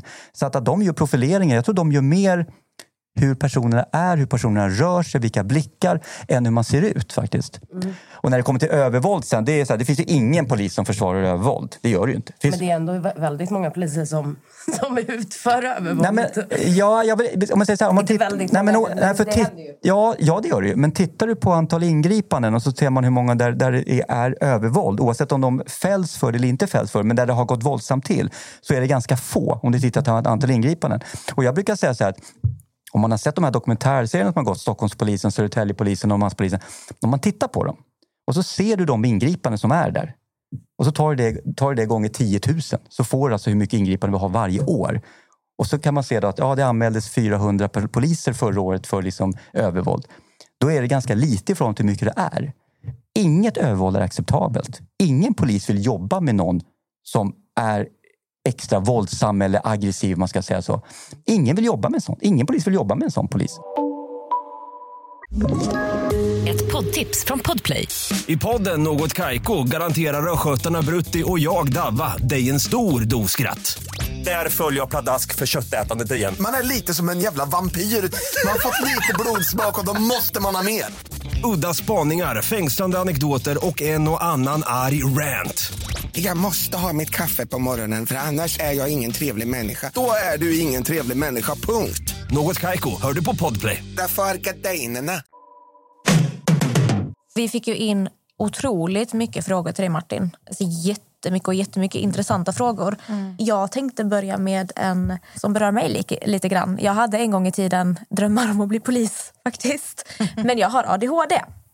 Så varför får du inte bli polis om du har ADHD? Varför? Eh, det där är någonting som man pratar väldigt mycket inom polisen just nu. Därför att det man har gjort sagt tidigare är att har du fått en diagnos, oavsett om du är 4 år eller om du är 25 år, om du har fått en diagnos av ADHD, då är, du, då är du rökt. Då kan du inte jobba som polis. Och vi vet ju alla här att ADHD, den, den skalan är ju ganska bred. Du kan ju ha väldigt grav ADHD med koncentrationssvårigheter och, och aggressionsproblem och så vidare. Och sen kan du ha väldigt lite ADHD där det faktiskt knappt märks. Och sen finns det ADHD som du kan medicinera och faktiskt ingen kommer någonsin notera att du har ADHD. Problemet är, har du fått den här diagnosen, då är du rökt att bli polis. Det här tycker man är fel inom polisen. Så just nu håller man faktiskt på att prata om om man ska luckra upp det här och istället göra en individuell prövning på varje enskild. Hur allvarlig är din ADHD? Tar du mediciner för det? Hur fungerar det här egentligen? Så att det där är någonting man håller på att titta på och förhoppningsvis så kommer man att ändra så att man faktiskt kan bli polis. För jag är övertygad om att det finns poliser som har ADHD men som inte har fått diagnosen. Helt övertygad. Då blir det lite som en bedömning som när man ska ta körkort. För att när jag skulle ta körkort då var jag tvungen att gå till en psykolog som skulle göra en bedömning på om jag är lämplig för att få ett kör, körtillstånd. Oj. Så då gjorde de en individu- individuell bedömning för om jag skulle få körtillstånd. Och det fick jag ju. Wow. Ehm, så det kanske är det någonting sånt som polisen börjar titta på. Ja, det tycker jag att- absolut man ska göra. Absolut. Nu, nu träffar man ju en psykolog när man, gör, eh, när man söker till polisen. Mm. Så förhoppningsvis kan man där och då göra då den här bedömningen. Ehm, För Jag tror det finns mycket fördelar med att ha ADHD också och vara polis då personer med ADHD oftast är väldigt uppmärksamma. Och man, det man kommer in i ett rum och du ser allt som händer på en och samma gång. Och just den egenskapen tror jag kan vara väldigt bra att ha med sig i just polisyrket. Att du är så jäkla uppmärksam. absolut. Absolut. Där, då vet vi att det kanske inom framtiden. Ja, För att förhoppningsvis. plugga om kanske? Konstapel Amelia. Japp. Konstapel Amelia. Jag kommer när jag är 35. Fasterblå. Yes. Yes. Så vad tycker du om att legalisera cannabis? Eh, det vet du vad? Jag tycker att det där är en svår fråga. Det är en jättesvår, ja, jättesvår fråga. Därför att för det första är cannabis farligt. Eh, alkohol är farligt. Ingen snack om saken. Ingen kan säga att, att cannabis är ofarligt. THC-halten är, påverkar cancer. Eh, THC-halten sätter sig i hjärnvävnaden och påverkar, så att det är farligt. Sen kan man diskutera, är det farligare än alkohol? Och det är där någonstans vi hamnar, tycker jag, i en intressant diskussion. Vi har godkänt alkohol, det har vi gjort liksom i hundra år, eller det har alltid varit godkänt i Sverige, alkohol. Varför då inte godkänna cannabis? Säger de som är förespråkare. Eh, vi har tittat nu till exempel i USA där man har haft legalisering under ett par år nu. Och då ser man i de stater där man har tittat där så ser man att i samband med legaliseringen så har ant, alltså, åldern på brukare har sjunkit. Alltså fler 15-16-åringar som håller på och röker än vad det var förut. Och då är frågan, vad kommer det leda till? Vad kommer det leda till om tio år? THC-halten idag är ju också på många platser högre än vad den var på 70-talet. För många säger så här, men det var ju massa universitetsprofessorer och, lä- och lärare på universitet som rökte på 70-talet och på 60-talet. Men tydligen var, eller tydligen, det här är bara vad, nu vad jag har läst mig till, är att THC att den är mycket högre än vad den var då, det vill säga styrkan. Eh, men jag, jag är emot det eh, som polis därför jag kan se problem med att ungdomar, det skickar signaler till ungdomar att det här inte är farligt och så kommer fler ungdomar röka. Och det är ju bara så att röker du tillräckligt mycket cannabis, jag är ledsen men du, du blir dum i huvudet. Sorry. Du blir Det blir man ju om man dricker för mycket också. Exakt. Exakt. Så återigen, det är det jag menar. Vi ska aldrig jämföra. Det är två olika, Nej. droger, två olika droger. Och om vi då, eh, sen kan vi diskutera det här. Ska jag få bestämma över min egen kropp? Ska jag få göra vad jag vill? Ja, men då kan vi legalisera alla droger. Vad kommer det innebära? Ja. Så att, nej, men jag, jag är faktiskt emot det. Därför jag vill inte att min liksom, eh, 12-åring ska röka cannabis. Däremot så, så tycker jag att det kan vara intressant att diskutera och prata om om man skulle ha en åldersgräns på cannabis. Låt oss säga på 25. Men jag tänker, skulle den legaliseras så skulle det ju inte vara någon som köper in och behöver, att det här bäcknandet behöver hända. Utan Det har ökat i USA. Därför att problemet är att den, den legala drogen får inte köpas av till exempel ungdomar. Därför finns det en jättemarknad fortfarande för illegal drog. Därför i USA har de väl 18-årsgräns på, på cannabis, eller om det är 21-årsgräns till och med. Och det innebär att den, den illegala eh, marknaden finns fortfarande kvar, kommer finnas kvar. Om vi tar exempel om det skulle legaliseras i Sverige så skulle ju inte då eh, de grupperingar som sysslar med att sälja cannabis skulle ju inte acceptera det. Utan de skulle ju konkurrera mot då den statliga eller den legala cannabisen så att säga. Och sälja. Så att det skulle alltid finnas. Det, skulle, det finns alltid 11-åringar som vill köpa cannabis. Du behöver inte svara på den här frågan. Jag svarar på alla frågor. Men har du testat någon, någon drog någon gång i ditt liv? Nej, vet du vad? Jag har faktiskt inte gjort det och det kan jag säga helt ärligt. Eh, om vi inte räknar alkohol som drog. Jag, och jag har till och med pluggat i USA, på, på skola i universitet, eller universitet i USA, där alla satt och rökte. Rakt av. Och jag var där, håll i er nu, 89 redan. Och det var då när ecstasy slog igenom. Så jag har varit på så här ecstasy bars och alla tog ecstasy och jag fattade ingenting vad det var för det hade inte kommit till Sverige än. Men jag, har, och jag, har varit, jag åker till USA minst en gång om året och har suttit på mycket fester och eh, där har rökts på allting så här. Men jag har, jag har aldrig ens provat. Aldrig, aldrig. Därför att jag tycker att är jag polis så kan jag inte jobba som polis och samtidigt ta folk som röker och samtidigt ha rökt. Jag, jag vet, eh, det, det, jag, har- jag har den moralen. Jag bara tänker att om du har testat röka så kanske du förstår dig på andra som har gjort det. Du menar... ja, men jag har druckit, al- jag har druckit alkohol också. Jag förstår, jag förstår fortfarande inte... eh, Ja. Nej, nej, men jag... jag nej, nu men, sa du någonting som jag vet att vi kanske har missat. Just det här med att du har varit på fest i USA då. då där är ju inte du, även om du är polis. Men du är ju inte polis där borta. Men vi säger nu att du inte är i tjänst. Måste du ingripa? Vi säger till exempel om du känner weedlukt längre bort. Är du skyldig att gå bort dit och ingripa när du inte är i tjänst? Alltså jag känner ju weedlukt flera gånger i veckan när jag går i vissa områden. Alltså, och jag ser ju till och med att de står och röker. Och då är det så här att som polis är jag skyldig att ingripa vid allvarlig brott egentligen. När det är så kallat påkallat ur allmän synpunkt heter det. Det vill säga om det är ett pågående brott där det är någonting som är farligt eller där det är fara för någonting. ehm, för någon eller något. Eh, om det står några röker weed så är det ingenting jag måste ingripa mot. Det är det inte. Det kan ju vara så att jag tar upp telefonen och ringer mina kollegor och säger nu kan ni åka och ta dem om ni vill, de står här nu. Det kan det vara. Men sen har vi också varit med på en fest.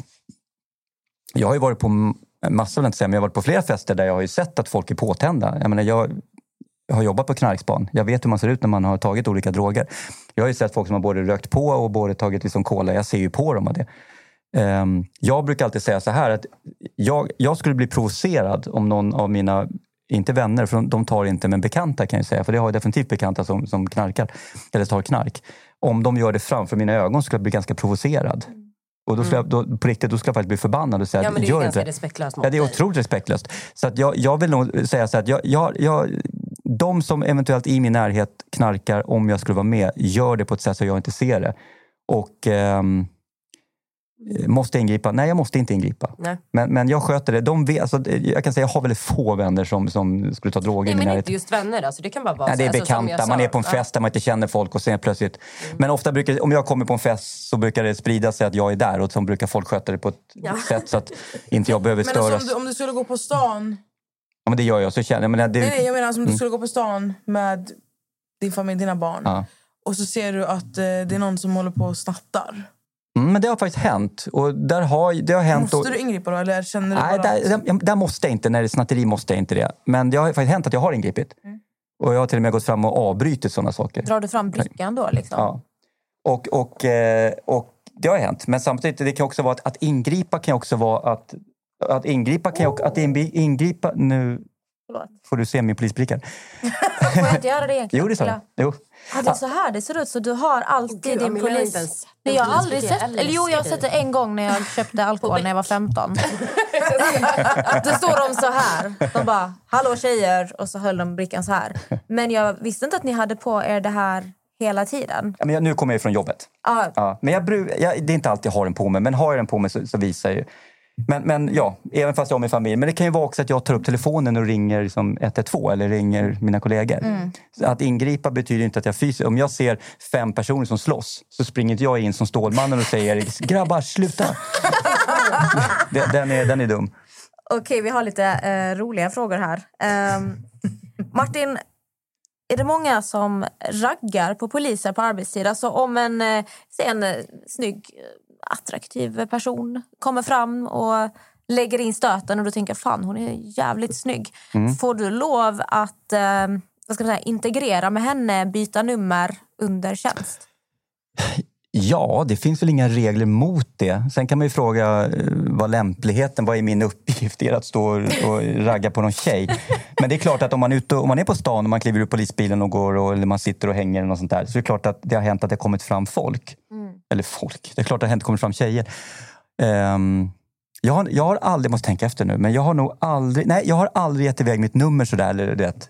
Men det skulle inte, alltså, jag säger inte att det skulle vara fel. Absolut man, inte. Får, man får lov att göra Ja, det. absolut får du göra det om, du, om man vill det. Men, Men man får, man får inte, du får väl inte ha en kollega? Nej, men alltså, det, någonstans finns någonstans internregler att man inte, om man är ihop så ska man inte jobba, i samma, liksom jobba samtidigt. Mm. Och det finns också rent juridiskt det. Därför att är man till exempel, om det nu är sambos eller om man är gifta, nu vet jag inte det, så behöver man inte vittna mot varandra. Säger lagen. Och det, ja, gifta. Och då, det, då är det ju dumt om det är två poliser. Ja. Så att, eh, nej, men man brukar flytta på polisen som blir ihop. Har du någonsin behövt skjuta någon eller behövt skjuta mot någon under dina år som polis? Nej, jag har inte behövt skjuta. Jag har varit nära fem gånger, varav jättenära en gång. Eh, den gången så hade jag, hade jag skjutit då så hade det varit så att säga ett clean, en clean shooting. Det hade varit liksom juridiskt rätt av mig att skjuta i det läget. Nu behövde jag inte göra det och jag är glad för det för han var 14 år. Ehm, och där ser man vad dumt jag springer runt med här soft airguns, alltså leksakspistoler. Eller, ja. Men jag har varit nära vid fem tillfällen då, det har varit, eh, då jag har varit hotad. Jag bara en följdfråga av det där. Måste ni så här som polis, nu har du jobbat som polis i 30 år. Måste ni gå flera så här uh, utbildningar för att skjuta? Så att ni skjuter... Vi övar, vi, min enhet, vi tränar eh, var tredje vecka med vårt vapen. Så Men du har bra så här... Ja, jag har rätt bra vapen. Ja, framförallt vapenkontroll eller vapenhanteringen. Det är den som är viktigare nästan än hur man träffar om man ska vara ärlig. Hur man hanterar vapnet. Eh, jag tror att de, en, en så att säga, vanlig polis, citattecken, tror jag tränar var sjätte månad tror jag de skjuter. Något sånt där. Så lite sällan. Men ofta, poliserna idag, vi, vi tränar väldigt mycket med våra vapen för att hantera dem rätt. Och vi tränar väldigt mycket med lagstiftning, alltså när och hur vi får skjuta. Det är verkligen den absolut yttersta... Alltså, ingen polis vill skjuta. Därför att de fall när polisen har skjutit och det har gått väldigt illa så att personen till och med har dött så är det inte ovanligt att den polisen faktiskt slutar inom att jobba som polis. För det är väldigt du, jobbigt. nämnde, du nämnde vanliga poliser. Mm. Vanlig, vanlig polis för mig det är om du tittar på en polisbil som åker på stan. En så kallad ingripande polis. Eh, som åker på snatterier, lägenhetsbråk, rån, eh, borttappade, bo- bortsprungna barn. Alltså, Har ni vanliga- olika så här, nivåer på vilka brott som ni får bli kallade till? Nå, alltså en, en, en ingripande polis kan åka på i princip vilket jobb som helst. Allt ifrån terrorism till eh, klotter. Jag jobbar på en specialenhet som är inriktad mot eh, särskild brottslighet kan vi säga. Bland annat terror. Så att, eh, vi har en insatsberedskap som det heter. Och det är ja, lite mer hemlig, hemliga uppgifter har vi också. Okej, två frågor innan vi har en rolig sak på gång. Vad är det mest traumatiska du har varit med om under ditt polisyrke? Faktum är att det som egentligen har satt sina spår är en händelse där jag höll på att bli påkörd av tunnelbanan. Eh, jag höll faktiskt på att dö. Det är nog närmast jag varit att, att råka illa ut. Och det, Eh, eh, kortfattad historia så var det att det var en kille som skulle hoppa ifrån eh, en bro här i Stockholm, Skanstullsbron, och satt gränsle över ett staket och skulle hoppa. Och jag springer, kommer fram och sen springer jag över spåren greppar tag i hans ben och står och håller honom och försöker slita ner så att han ska hoppa. Då. Samtidigt kommer tunnelbanan. Och jag är från Gullmarsplan och då ser jag att oj då, det är två decimeter bara mellan mig och spåret här. Så att det här, den här tunnelbanevagnen kan ju faktiskt träffa mig här och då är man ju död. Så att tunnelbanan kommer och jag trycker mig mot staketet samtidigt som jag håller honom. Vill inte att han ska sparka eller hoppa eller slänga sig framför tunnelbanan också. Så det var kaos där. Och tunnelbanan bara bakom ryggen, alltså det är en decimeter bakom. Och det, en fastnar man där så slits man ju med. Ehm, så att det, var, det är nog där, det är, nog, ja, det är närmast jag har varit där jag faktiskt höll på att stryka med. den Mm. Han, eh, jag jag ser ju tunnelbanechauffören, eh, eller tunnelbaneföraren, men han står och tittar på polisbilen med blåljus på gatan. Han ser inte mig. Ja, sen fick vi ner, sen stängde vi av strömmen och vi fick ner honom och så vidare. Men det, det, där, det var inte roligt. Sen har jag andra case. Jag har varit, vi tvingades skjuta, min kollega tvingades skjuta när vi var på Råsunda när det var 2000 eh, huliganer som ville ta oss, sparka ner oss tio. Och där vi faktiskt tvingades skjuta varningsskott och sen lämna eh, läktaren. Jag vet inte varför vi var uppe på läktaren dumt från början, men det var så. Fruktar du ofta för ditt liv i yrket? Nej, jag gör inte det. Jag, gör inte det. jag tänker väldigt sällan på att det kan gå illa. Eh, det farligaste vi gör är ju egentligen att åka bil, åka polisbil snabbt med blåljus i stan. Det är ju faktiskt där vi egentligen riskerar livet. Eh, men annars på, när man åker mot någon med vapen eller rån och, och sådana saker eller går in i lägenhetsbråk där det kan finnas knivar i kök och så vidare. Det, det är väldigt sällan som jag, eller aldrig vill jag säga, som jag tänker på att jag kan råka illa ut. Utan allt fokus ligger på att någon behöver vår hjälp. Någon behöver min hjälp och nu ska jag fram och hjälpa den här personen. Så att nej, jag, jag är faktiskt aldrig, eh, aldrig rädd. Den roligaste utryckningen du fått åka på? Ja, men alltså det är klart att det är roligt när de ringer och, och säger att, och säger att eh, han eller hon, i det här fallet var det han, är fastlåst med handbojor. Och vi har ingen nyckel. Det, det, det, är, klart, det, är, klart att, det är klart att de, de anropen är ju... Det är klart att man drar lite grann på... Eh, och när man kommer in där så är det... I det här fallet hade de faktiskt... Det var en han. Nu hade de klätt på honom, vilket du var tur. Det hade, vi sa det efteråt, det hade varit jobbigt om han hade legat naken. Alltså, de hade ändå haft sinnesstämning och klätt på honom. Ehm, Men är det, är det, är det en vanlig... Ja, det, jag, jag, jag har hört det anropet kanske tre eller fyra gånger under alla år. Och ett av dem har jag själv åkt på. Och, så att, och, då, fick vi, och då hade vi med oss en stor bultsax. Vi, fick, vi, har, alltså polisen, vi har ju handfängselnyckel, men det här var någon annan modell så vi hade inte nyckel till de här. Men vad är det här? Vad, det är alltså riktiga... För jag tänker i så här sexshoppar, då köper man ju så här... Ja, de går ju att slita loss. Exakt. Mm. Så folk Eller hur vet jag det? Förlåt. ha, har, har jag hört? Ups. Men de här Ja. människorna de använder alltså legit eh, riktiga... Ja, det, här, det, här var, rikt- det här var riktiga grejer. Och det var eh, nå- jättemärkligt, för det brukar vara samma typ av nyckel till de här, men det var en annan, eh, annan nyckel. Så vi fick klippa upp dem. Det, det är klart att det, så, sånt jobb är ju någonstans lite roligt. Men är det ofta... Alltså, förlåt, jag tycker det var jättekul. Så här, sexrelaterade grejer. Ja, men det är också när vi börjar i det här samtalet med att prata om lägenhetsbråk, vilka hemska saker. Men folk är ju ganska duktiga, vilket de ska fortsätta vara, med att ringa till polisen när de hör grannar som bråkar. Det ska man fortsätta göra. Men jag har ju varit, Nej. ett antal gånger har jag ju varit när, när man har åkt, eh, när grannar ringt och sagt att de det är bråk och stök från lägenheten under. Man kommer dit och ringer på dörren och så ser man öppnar en tjej med eh, täcket runt kroppen och lite rufs i håret och röd och så säger man så här, hej grannar, får vi komma in? här?" Kom, ja, kom in och så ser, ja, ser man mannen och så säger och, och de, så säger man, det, du, de säger att det är väldigt mycket stök och bråk. De hör hur låter, dunsar och så här. Ja, vi, vi ligger. Jag och min man har sex. Så det där är, det är inte ovanligt heller. Nej. faktiskt. Och, sen, och, och det är klart att och sen har vi de här andra folk som ringer och ser när folk ligger och har sex utomhus. Vilket alla inte uppskattar att se på. De har man kommit dit också så ser man det och så säger man så här jättemysigt man get a room liksom.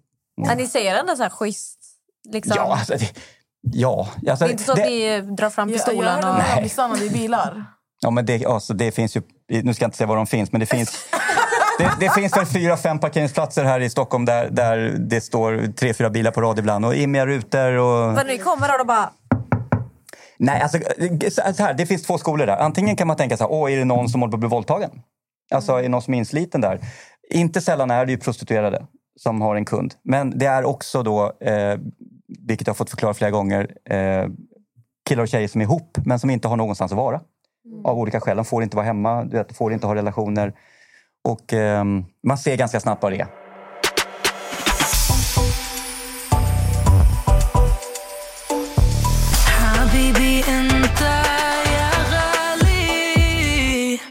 Jag tänkte avsluta med... eh, Jag har ju en mor hemma i Skövde som... eh, I Skövde. Ja, Skövde hela tiden. Som, eh, Represent. ja vad ska man säga? Nessas mamma alltså har en liten crush på Martin. Hon vet om att vi ska träffa han i veckan men hon, vet ju inte att det är just idag. Så vad vi tänkte är att du kommer få låna Nathalies mobil. För att ringa till nästas mamma och bjuda ut henne på en dejt. Men, men, men är det inte taskigt om jag inte går på dejt? Nej, det är corona. Hon kommer inte kunna ta sig till Stockholm ändå. Hon kommer förstå. Bara att, Hon bara, jag kommer i höst. Jag, jag, får, Jag är redan på väg. Ja. jag får spruta på torsdag, sen så... Ja. men du Nej, sa ju men- att du inte är ledig egentligen förrän eh, efter juni. Så att eh, det blir ju ändå så här Efter Efter sommaren, precis. efter sommaren. Ja. Ja. Vi, vill, ju- vi måste ju tillägga att du, du är ju faktiskt singel. Mm. Så att vi, Det har vi ju dubbelkollat. Det har vi redan Ja, ja, dubbelkollat. det är ingen fara. Det är ingen som blir sur. Vi ska ringa, du ska få ringa henne på Facetime. Ja, det kör vi. Klar. Oh, hallå!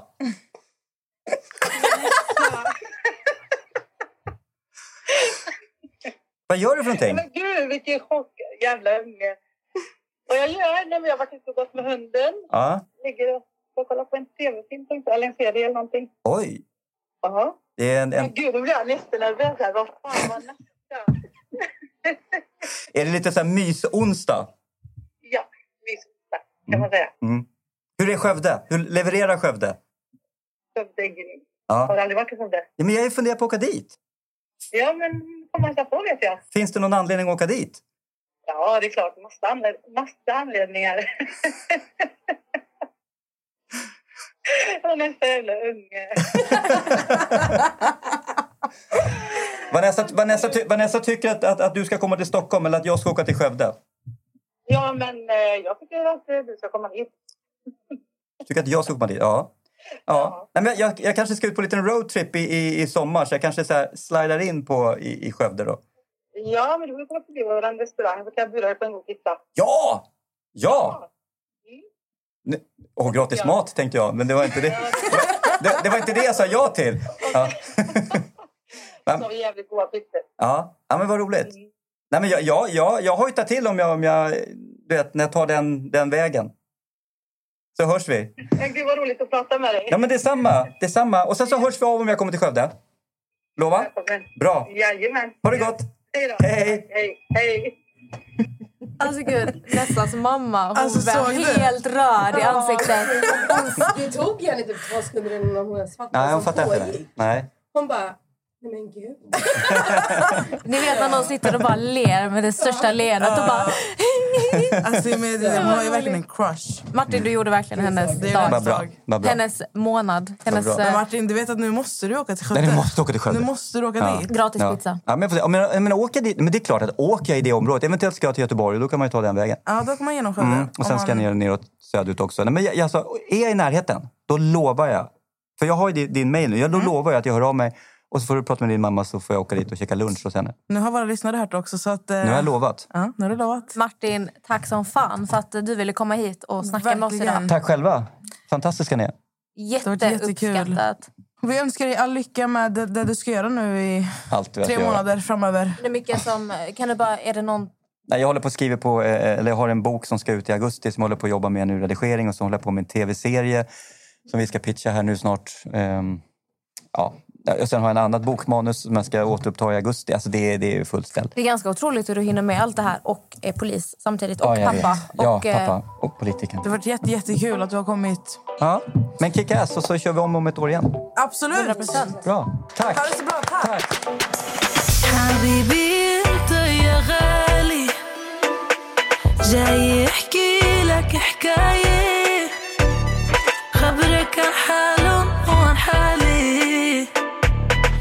حبيبي